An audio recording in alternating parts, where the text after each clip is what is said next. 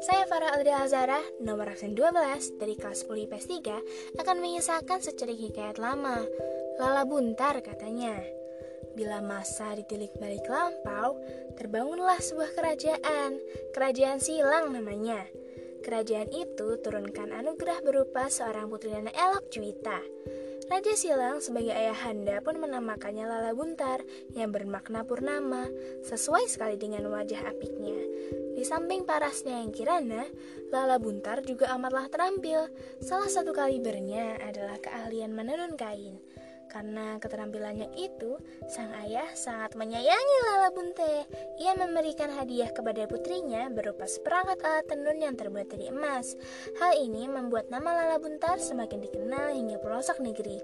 Mendengar kabar pasalnya, ramailah putra-putra raja, bahkan raja-raja sendiri yang berkehendak melamar sang putri. Hingga tiba kalanya, Raja Silang kedatangan beberapa orang tamu.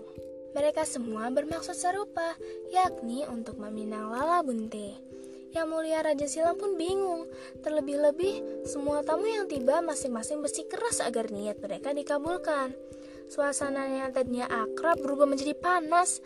Bahkan satu sama lain dari tamu tersebut sudah saling tantang untuk melakukan adu fisik dan kesaktian adik kodrati.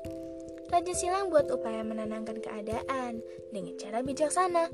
Raja Silang mengambil keputusan bahwa permintaan dari tamu-tamunya tidak ada yang diterima ataupun ditolak, melainkan akan dirembuk dengan segenap keluarga dan para penasehat termasuk Lala Buntar sendiri. Raja menetapkan tempo satu minggu untuk bermusyawarah.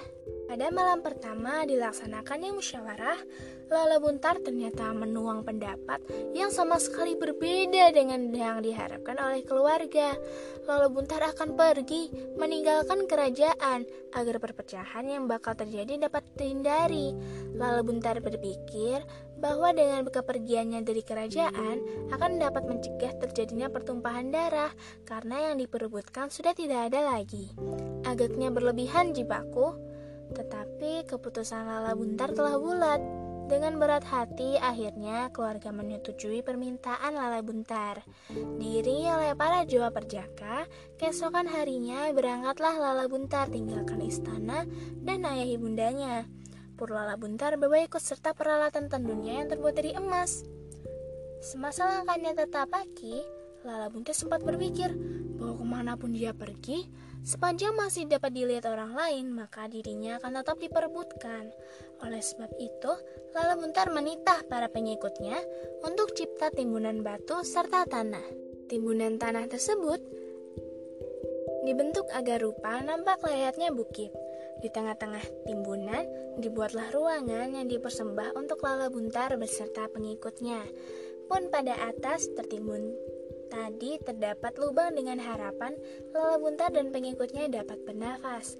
Sementara salah seorang pengikutnya tetap berada di luar timbunan, bertugas jemput makanan dari istana kerajaan guna Lala Bunte. Satu bulan lamanya di dalam timbunan, Lala Buntar dan pengikutnya di dalam sudah tidak lagi muncul untuk menerima pasokan makanan. Pelayan yang bertugas memasukkan makanan itu berpikir, tentunya Lala Buntar beserta pengikutnya yang ada di dalam timbunan telah meninggal. Oleh pelayan yang di luar, akhirnya lubang ada di puncak bukit tersebut ditutup dan dibuatkan kuburan di atasnya. Pernah dua kali kuburannya bermaksud hati dibongkar demi raup emas-emas yang Lala Bunte bawa, namun mereka hanya temu kemelut. Mereka yang mencoba untuk mengambilnya selalu tergembleng perihal alam dan seram, misalnya hujan lebat, kilat petir menyambar, juga debu-debu bertebangan, sebab rasa culas pasti akan bawa keburukan. Tamat, terima kasih.